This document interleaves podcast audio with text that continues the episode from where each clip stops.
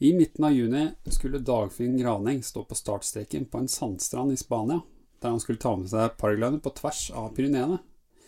Men så kom korona og koronatiden, og distanseracet Expir blei først utsatt, og så avlyst. Så nå, hva skal Dagfinn gjøre med all den kunnskapen han har opparbeidet seg knyttet til både hike fly og Wallbee-flyving? Vi ønsker i hvert fall å finne ut av dette, og har invitert eh, Dagfinn inn i studio. Mitt navn er Arne Christian Boyesen, og dette er podkasten Flybart. Vi har også med produsenten vår, Ådne Riis eh, Hallås, her i studio, som også kommer til å komme med noen spørsmål eh, da han også er paragliderpilot og har mye å gå på. Hei, Dagfinn. Eh, velkommen. Tusen takk. Jeg tenkte, før vi går løs på det med X-Bill, så ønsker jeg å kanskje finne ut litt mer om deg. Ja. Hvem du er som person. Kan du gi oss litt hard facts? Ja, hard facts. Um, jeg er 25 år gammel, blitt. Uh, og så er jeg en gutt. jeg har krøller, uh, og jeg elsker å fly paraglider.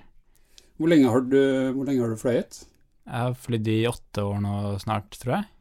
Så det begynner jo å bli ei stund, egentlig. Men tida går fort når man har det gøy. I uh, i 2019 så ser jeg Jeg var inne på Flightlog for å se litt på, uh, på flyvinga di, da, for å finne ut av litt om du er som person. Og uh, i flymiljøet så ser jeg at du fløy jo nærmere 250 timer i 2019. Eh, hva var det som fikk deg til det? Lå du på et hang eller i åtte-ni timer og, og som samla timer, eller hva er det som drev deg til å få den, den lysten til å fly så mye?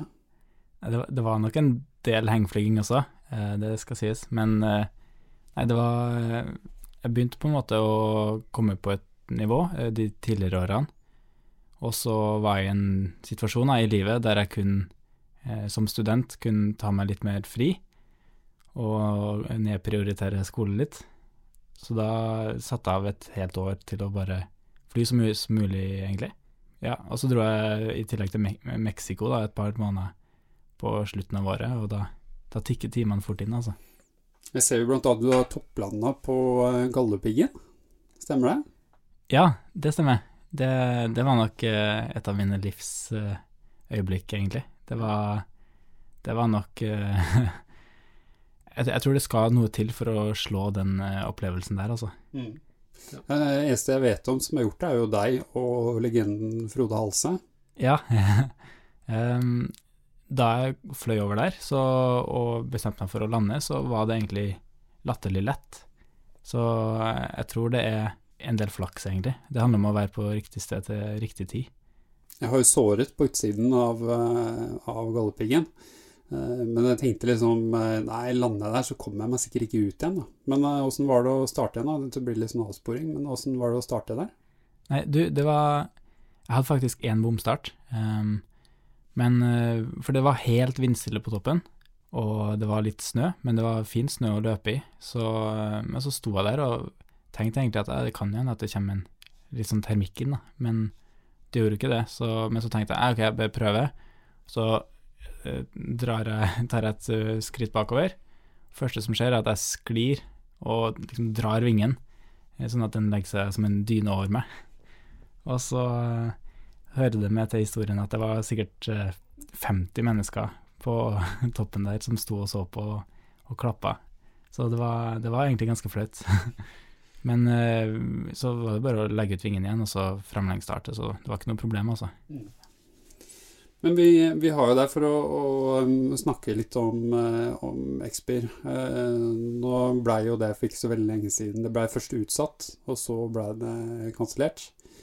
Eh, men eh, kan du ikke si litt om hva, hva Expir er for noe? Eh, Expir, det er altså eh, på kryss og tvers av Pyreneene, på en måte, blir en oversettelse.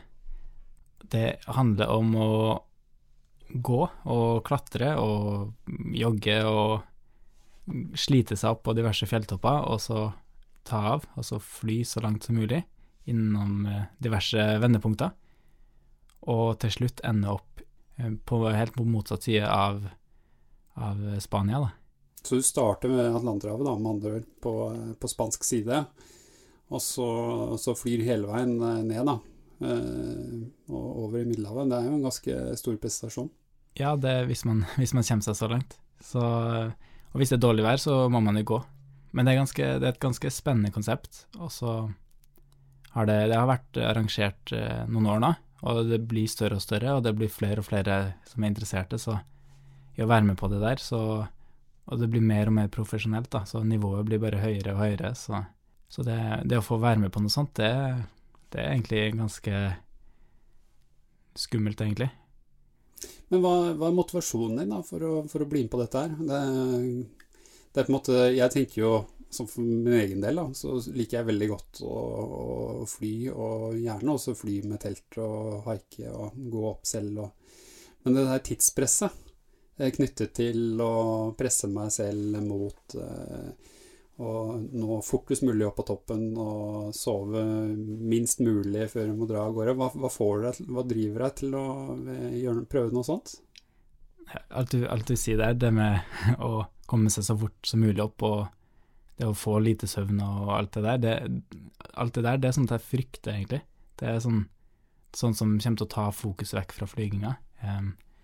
Men det som uh, lokker, da, det som driver meg til å, til å, være med på noe sånt, det er kanskje heller eventyret, tenker jeg.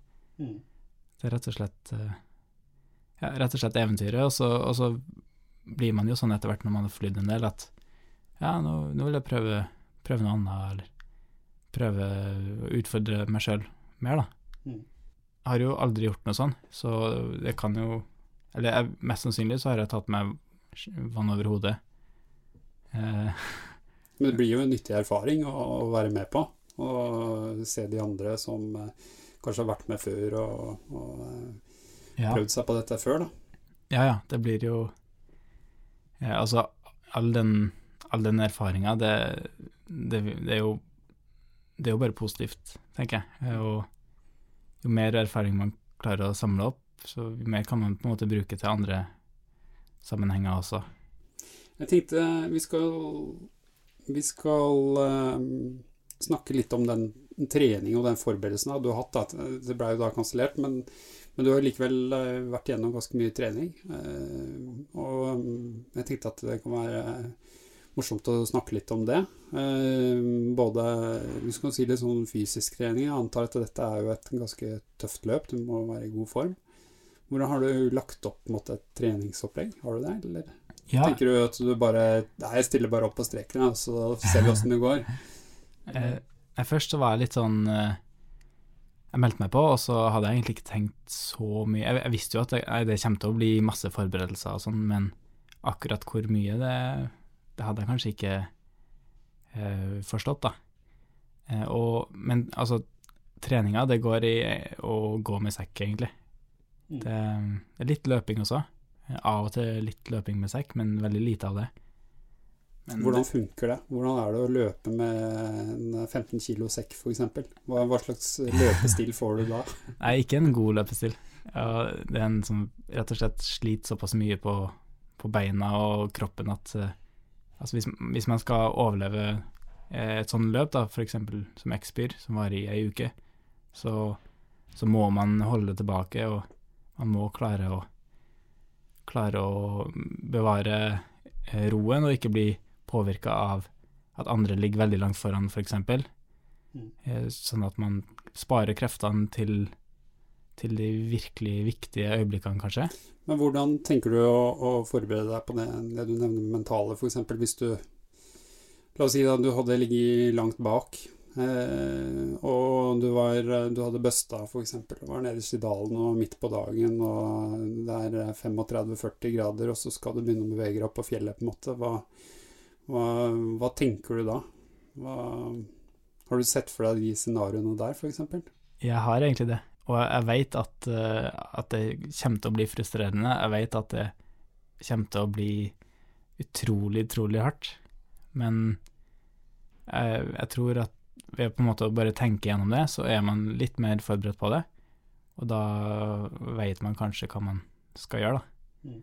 Men samtidig, som, samtidig, så har jeg jo et team eh, med meg nedover. Det må jeg huske på å nevne. Um, en, et, en, gjeng på fire-fem stykk som skal være med og, og støtte, da. Og, og de, de kommer til å gi meg gode råd, og de kommer til å egentlig gjerne si hva jeg skal gjøre, da. Så slipper jeg å ta alle de avgjørelsene sjøl. Så handler det mest om å finne mitt eget tempo. For dette er en konkurranse hvor du da også da har en følgebil da, som eh, bistår deg. Så du, du bærer liksom ikke alt du skal for alle dagene. Ja. Men sånn eh, type utstyr, hva, hva, hva trenger man? Ta for eksempel, begynn på, eh, begynn på vinge. Da. Hva, hva slags vinge trenger man til dette? Du trenger kanskje en veldig lett vinge. Ja, jeg tror eh, det er to veldig viktige ting. Det er at vingene er lett nok til at man er fysisk skikka til til å bære den med seg, men eh, også en vinge man tør å fly, da. For det, som sagt så er det veldig mentalt eh, utmattende, og da, da må man klare å fly den vingen man flyr. Man vet aldri hvilke forhold man havner borti, og forskjellen på de som, de som gjør det veldig bra, og de som ikke gjør det så bra, det vil være flyginga. Og da kan det hende at hvis man ikke klarer å fly den vingen man skal fly, fordi den er f.eks. For, for krevende, da, så, så vil det være eh, helt avgjørende, egentlig. Da ender, ender man kanskje opp med å stå på bakken i 35 grader og må gå opp igjen. Men du har jo en, en tolinjevinge, en, en Omega X Alps 3. Eh, Det er jo ikke Det er jo på en måte i utgangspunktet en kategori av vinger som, som er litt eh, krevende. Eh, Hva er dine opplevelser med akkurat den vingen? Eh, nei, det Da jeg begynte å fly den vingen, så jeg tror kanskje litt som, litt som da jeg meldte meg på Expir, at jeg følte at jeg kanskje hadde tatt meg litt vann over hodet. For din forrige vinge, hva, hva var det? Eh, jeg, jeg gikk fra en det, Jeg gikk fra en eh, Mantra 6, som er en, det er en D-vinge, da. Ehm, og mm, som er ganske mye mindre krevende enn den igjen. Det er et, eller, det er et lite skritt opp, da, kan jeg si. Men uh, altså, jeg, jeg føler at jeg har nok, nok timer da, til, å, til at jeg til at jeg eh, nå iallfall klarer å, å fly den ganske på maks, uten at jeg trenger å, trenger å sitte og være redd, og at det er veldig fysisk, nei, psykisk eh, belastende. da. For det er jo det som er liksom dilemmaet i, i et sånt type race. At du, du vil jo ha gode ytelser, men så vil du jo også ha sikkerhet da, når det virkelig fordi eh, både sånn som X-Pyr og X-Alp så innebærer jo at man flyr på veldig mye rart av forhold som du aldri hadde f.eks. arrangert en norgescup eller en eh, verdenscupomgang i. da. Mm. Men det flyr du likevel på i X-Alps og X-Pyr. Så man må jo på en måte eh, da kanskje også ha en vinge da, som kan tåle litt eh, skikkelig juling. Og, Ja. Ja, sant. Så, men, men det skal også nevnes da at det er nok, det er nok mange som, som flyr i forhold de kanskje ikke ellers ville flydd i, men for å klare å komme seg helskinna gjennom det, da, så må man ikke være redd for å ta den avgjørelsen om at nei, nå er det ikke greit, nå, nå bare går jeg videre i stedet. Hva tenker du rundt sånn eh, risiko der, da, for din egen del? Eh, når du vet eksempel du står på start at eh, nå blåser det bra mye, men kommer jeg meg opp, så, så er det verdt det. Hva, hva tenker du rundt sånn type risiko? Nei, altså i en sånn situasjon så handler det kun om å kjenne sine egne begrensninger, og eneste måten å kjenne sine begrensninger på er ved å ha lagt ned nok trening i både flyging og groundhandling, og, og sånn at man er skråsikker på at nå får jeg til å starte, nå, nå klarer jeg, de her forholdene klarer jeg å fly. Det går jo litt rykter om at du har, hatt, eh, har starta på en del interessante steder i siste, litt sånn for treningens del. Kan du fortelle litt om det? Ja, ehm, jeg har prøvd å ha en slags filosofi eh, gjennom treningene om at eh, i stedet for å starte på de eh, normale, enkle, enkle stedene som er på en måte perfekt tilrettelagt, så, så kan jeg utfordre meg sjøl til å til å gjøre det litt vanskeligere, da. Eh, det var en start eh, her for en uke siden eller noe sånt, kanskje. At det, det sto litt vind inn, men ikke så veldig mye. eh, og jeg kunne gått bort på en plass der det var en sånn perfekt skråning ned, og helt, det hadde vært null stress å starte, men i stedet så, så går jeg bort til en, en litt annen eh, Litt mer sånn stupstartaktig skråning, der jeg vet at ok, her kan jeg ta ett skritt bakover. Og da, da gjelder det på en måte å ha groundhandla nok i forskjellige vindforhold til å kjenne vingen sin, nok til at man vet at ok, akkurat nå så kan jeg ta ett skritt bak, og så kommer vingen opp, og det er nok. Har du noe teknikk da, eller hvor du også bruker f.eks. Jeg bruker noen ganger da armen min til å liksom videreføre det draget, så at jeg på en måte har A-reiseren nesten oppi skuldra. Ja. For å liksom få, der, eh, få den der halvmeteren ekstra da, som jeg kanskje ikke ville fått. Eh, Eh. Fordi den er såpass lettstarta. Jeg flyr den samme vingen som du, da. ja, ja, sant. Altså akkurat den vingen er såpass lettstarta at, at man kan liksom jukse litt til, da. Mm. Um, jeg bruker en Av og til så bruker jeg en teknikk der jeg svikter mye i knærne, for å på en måte få, få det der lille ekstra presset. For å liksom få med meg alle linene. For å få, bare for å få vingene opp. Og så, med en gang den er over hodet, så er det vanligvis greit, da.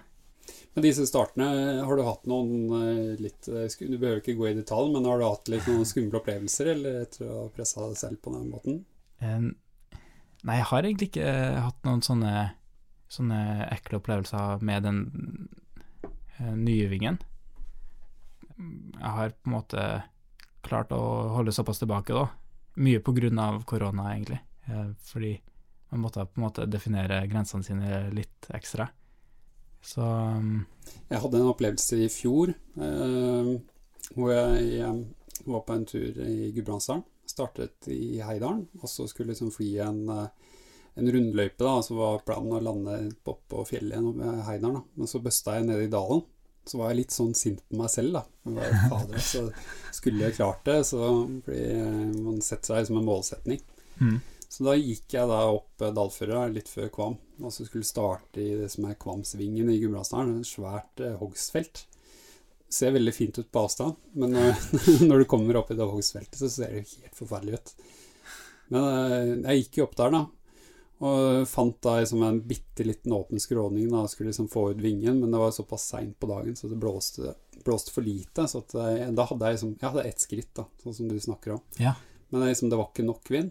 mm, Så i tillegg så var, jeg, så var de bekkene som var avmerket på kartet, de var tørre, for det var tørketid. Så jeg var i tillegg dehydrert, da. Skulle sitte der og da, dra opp vingen da i, eh, i det. mm. Så det var ganske skummelt, fordi da begynte jeg å surre i hodet og i tillegg skulle prøve å komme meg ut. Ja, sant. Så eh, heldigvis så pakka jeg sammen da, vingen min, og Ja. så gikk jeg opp skråningen, og så fant jeg et sånt eh, vann, og jeg hørte noen sauebjeller i nærheten, jeg tenkte, nå er jeg bare så tørst, jeg må bare drikke det. Mm. Så jeg tok, tror det tok meg nærmere et døgn før jeg kom meg tilbake igjen. Liksom i grei, grei form. Ja. Men eh, ja, det, det kunne gått ille, da. Men så Noen ganger så presser man jo seg ganske langt, da. Ja, sant. Og det skulle jeg tro i en sånn type konkurranse også, så, så gjør man jo litt det. For at du, du er så for mentalt liksom klar på at eh, 'jeg vil komme meg av gårde, jeg vil komme meg lengst'. Og, ja. så um, Ja. jeg tror det i hvert fall er nok en fordel å være ganske bevisst på, på sånt, da. I en sånn sikkerhetsmodus. Ja, absolutt. Altså, jeg, hvis, hvis det hadde vært en konkurransemodus for deg i den situasjonen, så hadde det vært veldig lett å tatt den avgjørelsen at jeg vil prøve. Mm. Og da er det ikke sikkert at det har gått bra. Men, men jeg har lært meg et par triks, da. Eh, Men det, det er mest mens jeg flyr, egentlig. Det er også litt i det jeg på en måte kommer opp på, på takeoff. Og det er på en måte å bare stoppe litt opp, og liksom senke skuldrene og, og tenke, da.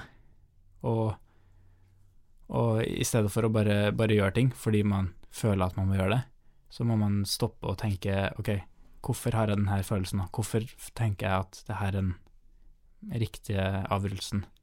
Og det, det gjelder både i valg man tar i rutevalg man tar i lufta, om man skal fly dit eller dit, men det er også på takeoff.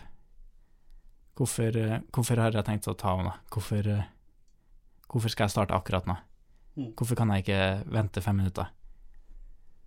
Hvorfor kan jeg ikke legge meg i lyngen og sove en time og få, få hvilt litt? I en sånn konkurranse så har du kanskje ikke alltid tid til det, men eh, det kan jo kanskje være et poeng likevel. Ja, sant. Og Ja. Men, men Istedenfor å bøste og lande ned i dalen, så kanskje du venter en halvtime til, så klarer du å er termikken blitt sterk nok. Da. Ja, ja, sant. Altså, hvis man, hvis man ta, tenker at ok, jeg prøver, jeg tar av, og så buster man, og så plutselig har man tapt tre timer da, på, på å gå opp igjen, hvis det er et svært fjell, og er eneste takeoff-mulighet, eksempel. Og da, da, da, da er det jo, det er jo tre timer med distanseflyging. Man kan fly utrolig langt på tre timer. Da har man kanskje plutselig gått fra førsteplass til eh, siste. Mens hvis man, hvis man har is i magen og tar seg en time lur, eksempel, hvis det er over skya, og så plutselig så Altså vekke, kan en av supporterne dine da vekke deg når det plutselig blir sol igjen, og så tar du av deg i stedet. Da har du fått hvile, og du har Og, og, og du får utnytta forholdene eh, så, bra, så bra som mulig, da. Jeg tror det er et godt poeng. I hvert fall ikke stresse seg gjennom eh, Mm. stresse seg gjennom dagen, da, for det, det, er jo, det er jo såpass langt, og det tar såpass mange dager, en sånn type race, at man eh, Du må rett og slett ta deg tid til å slappe litt av, og Ja. koble litt ut, og eh, heller la måtte, valgene i forhold til når du f.eks. skal starte, skje ut ifra sånn du vanligvis tenker, kanskje utenfor en konkurranse. Mm. Absolutt. Bare produsent Odne fra sida her, hvor mange dager pleier et sånt race å vare? Åh, nå, eh, det, nå spør du litt vanskelig, fordi det kan variere Eller det varierer fra konkurranse til konkurranse. Em, du har jo X-Pyr. Det er kanskje Man kan kanskje forvente at det varer sju dager, um, men det kan også vare tre eller fire. Så har du X-Alp, som kan vare i to uker. Den kan også vare seks-sju dager.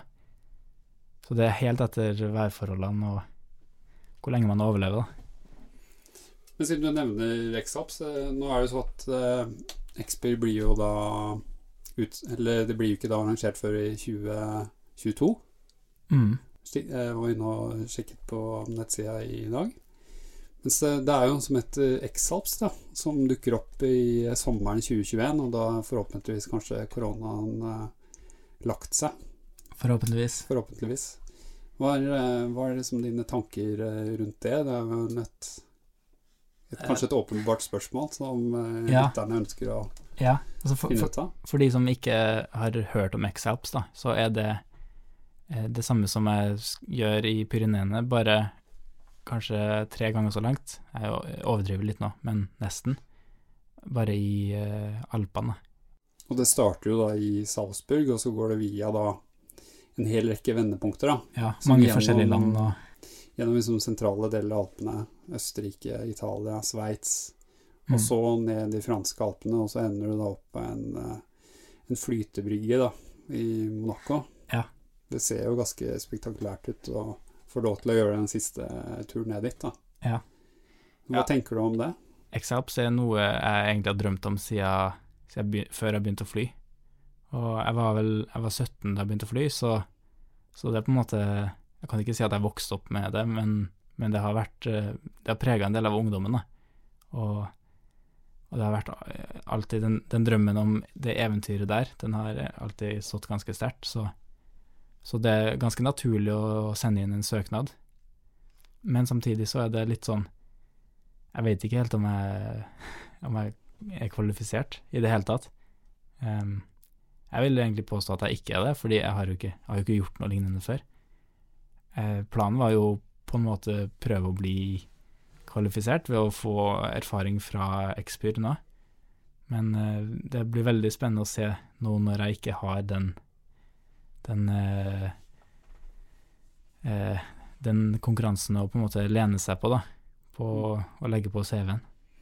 Så man må jo, du må jo da bare trene mer, da. Og, og kan si perfeksjonere utstyrsvalg og, og, og, og kanskje etter hvert også komme deg ned til Alpene. Eh, Mm. for å se åssen det er å fly der. Eh, lære med andre som har flydd i området.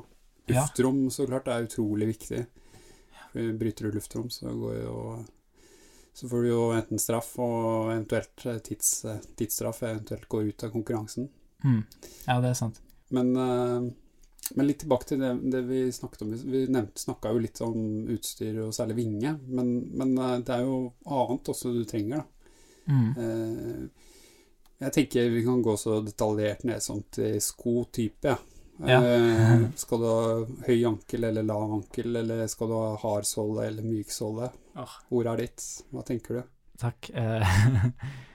det eh, sånn som de tidligere deltakerne har gjort det der, så har de hatt kanskje sånn fem eller flere forskjellige skopar til forskjellige situasjoner. Hvis det er mye asfaltgåing, så må de ha myk såle som kan gi tilstrekkelig demping. Hvis det er litt røffere terreng, så trenger de hardere såle. Um, det er nok kun lave sko det går i. Det er ikke mye ankelstøtte oppover der. Så det, de ville nok ikke fått tilpass på et norsk eh, PP2-kurs. Det er mindre gram å bære opp, da. Jeg, Absolutt. Jeg, jeg, jeg flyr jo litt sånn Volbeat innimellom, og da har jeg sånn gått for mellomtingene. Lave sko, men en hard såle. Rett og slett for å få lettheten, men også den gode støtten. da. Eh, Særlig liksom i start, eh, startøyeblikket, du skal starte liksom på røffe steder. Mm. Så syns jeg det er veldig kurant. da. Ja, jeg har, jeg, jeg har gjort det samme, egentlig. Jeg, jeg begynte å Da jeg begynte eh, for alvor da, og trene til X-Byr, så, så kjøpte jeg meg ganske snart et sånn et, sånn, eh, et skopar som er perfekt til terrengløp og, og fjellturer og masse forskjellig, eh, med, med en sånn såle som kan holde beina i mange, mange kilometer, da. Så, mm. Hva med annet utstyr? Type staver, f.eks. Det er jo litt sånn Noen syns jo det er veldig topp. Personlig syns jeg det er veldig ålreit å bruke det. Mm. Eh, Hva tenker du om det? Eh, Det jeg tenkte om det før, var at eh, det er en sånn pensjonistgreie. Hvis man har gåstaver, så er man 70 år gammel og heter Oddbjørg. Får håpe ikke det er noen som heter Oddbjørg som Ja. hører på. Hvis det er noen som heter Oddbjørg, uh, unnskyld. Uh, men men uh, jo, jeg fant jo ut etter hvert at, eh, at eh, jeg, jeg trenger det. Men grunnen til at jeg Altså, måten jeg fant ut det på, var jo ved at jeg så på masse videoer eh, fra X-Helps og sånn, og at folk gikk med, skatt, med staver. Og da må man jo gå med staver sjøl. Er like kul som de store heltene. Selvfølgelig. Det, det er jo det det går i. Så da, da, da gikk jeg til innkjøp av et sånn superlett stavepar, da. Og, men jeg, jeg, altså, det er, ikke, det er ikke oppskrytt, altså. Det er ikke det. Det er virkelig Det gjør noe med posituren mens du går, og det gjør at du klarer å på en måte holde riktig positur over lang, lang tid. Og da vil eh, den slitasjen du har på en måte trent på, da, det, den vil på en måte være riktig. Det vil være samme type slitasje over mye lengre tid. Men hvis man, hvis man eh, plutselig eh, dropper stavene, og så, og så blir veldig sliten, og du blir slitt i musklene på overkroppen, og du klarer liksom ikke å ha samme posituren lenger, så, så vil du ikke vare like lenge. Det begynner å slite på nye plasser, og det Da, da, da blir løpet fort over, egentlig. Jeg syns det er veldig behagelig når jeg går oppover, både nummer én for støtte, Mm. eh, men også jeg føler på en måte at jeg får et sånt ekstra drag i beina opp. Ja, ja. For jeg eh, bruker på en måte Jeg lener meg litt på stavene oppover, da. mm. Så, så de er på en måte Jeg, jeg syns jeg klarer å gå fortere oppover. Ja. Så hvis det er målsetning eh, for lytterne å komme seg fortest mulig opp på fjellet, så, så tenker jeg at det er et pluss, da, med Ja. staver. Ja. Men de må jo være lette, mm. og de må jo kunne deles, så du får det inn i sekken. Ja, sant. Og i seletøyet, ikke minst. Mm. Ja. Og så er det jo en annen positiv side også med staver, at uh, hvis du er på Volbeat f.eks., så kan du jo da kjøpe deg telt hvor du ikke trenger stenger, for du kan bruke staver.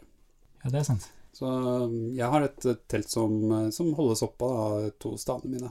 Så, Ja, så da sparer jeg kanskje noen gram eh, på det, istedenfor å ha med en ekstra stang, da. Det var bare litt det uttrykket jeg stussa litt på nå, Volbiv. Ja, Volbiv, For de som ikke vet hva det er for noe, hva kort var det for noe. Det er et fransk uttrykk for å, å, å fly og sove. Hvis jeg ikke tar helt feil, Ådne. Mm. Jeg tror det er det. Jeg tror det. Fly, fly og sove, eller fly og Ja. campe, eller Du har to typer volbiv. Da. Du har volbiv, og så har du eh, vol mastercard, som også er ganske utbredt i deler av Norge. Så det kan også anbefales. Hva er poenget der, da? Nei, da sover du heller på et hotell eller eh, noe sånt da, i stedet, da. Så eh, kan du I Alpene for eksempel, så er det en fin måte å komme seg rundt på, da. At man sover på kan sove på eh, gasthouse der rundt omkring oppe i fjellheimen, da. Så bor du godt, du spiser godt og drikker godt. og Da har du liksom ikke det konkurranseaspektet på samme måte, da, men du, du er likevel på tur, da. Så for, det er jo kanskje det litt dette også handler om. At man Jeg tenker sånn med tanke på Xpur og X-Alps at Mm. dette er en form for en ekstrem tur gjennom Alpene. Det blir litt sånn eh, ekspedisjonsaktig, eh, blir det.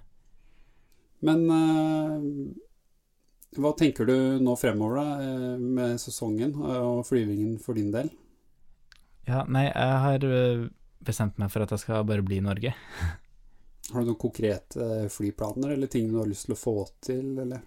Ja, nå, nå, det, nå har det seg sånn at Gabriella, altså kjæresten min, og jeg, vi har en sånn plan om å reise rundt i landet med, med bil og sånn iCamper-taktelt. Og, um, og så skal vi bare finne kule steder å fly, og rett og slett følge været. Og skal vi ta litt bilder og vlogge litt, og, og bare kose oss, egentlig.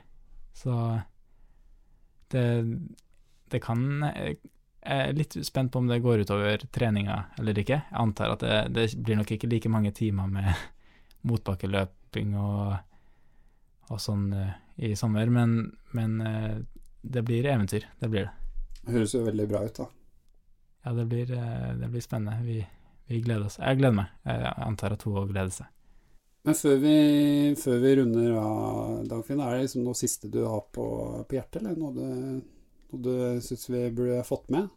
Vi nevnte jo det med at eh, Du nevnte jo det at du hadde jo flydd Eller jeg nevnte jo det i stad, du hadde flydd nærmere 250 timer i 2019. Mm. Men eh, du har jo også fortalt meg at du på, på et tidlig tidspunkt da, i karrieren følte at du var en PP2-er i veldig lang tid. Eh, Ja. Hva mener du med det? Nei, altså eh, det, jeg, var, jeg var PP2 veldig lenge. Det var jeg, var jeg var det godt over tre år, eh, tror jeg. Og, og jeg, jeg tror eh, Jeg føler at det er såpass viktig da å, å få nevnt det her, fordi det, det er så mange som føler at det er, det er så stress, og man skal, man skal bli PP3 så fort som mulig og samle så mange turer som mulig så, på så kort tid som mulig. Så Men det, det er ikke Det er ikke viktig i det hele tatt, egentlig. Det, det som er viktig, er å kunne ta ting i sitt eget tempo. Og det gjorde egentlig jeg i, i, i starten. Eh, men det var skikkelig frustrerende, egentlig. For det var det var, sånn, det var jo et mål da, å bli PP3 så fort som mulig, og så gikk det Det gikk liksom år, år Ja, det gikk jo flere år. Eh, så, Men jeg var jo litt i den samme settingen selv, ja. Eh, Når jeg begynte å fly i 99, så Ja. tror ikke jeg ble PP2 før i sånn 2002. Ja, ok. Så eh, Hvor gammel var du da du begynte å fly? begynte å fly når jeg var 16 år. Ja. Så eh, det tok noen år, da. Ja, Jeg var utenlandsreise og litt sånt. Så. Mm. Men jeg, jeg tror det var fornuftig, fordi når jeg var 16 år, så var jeg ikke særlig egnet til å ta egne avgjørelser knyttet til alt. så sånn sett i ettertid så tror jeg det var ganske fornuftig. Ja. Men det, det er veldig Det jeg tenker i forhold til det du nevnte med det, da, er jo at det gjelder jo å finne liksom gleden med de forskjellige stegene du er i da, i flykarrieren. Mm. Så på PP2-stadiet så, så er jo bare det å lære seg starte vingen og øh, komme seg ut og kjenne litt på det, liksom det første løftet og sånt, det, det er jo stort, altså. ja, det, det er det. Så um, Og så Det er et perfekt stadie til å, til å fokusere på ground handling, er det. riktig. det. er Fordi man skal ikke egentlig utnytte løft som PP2.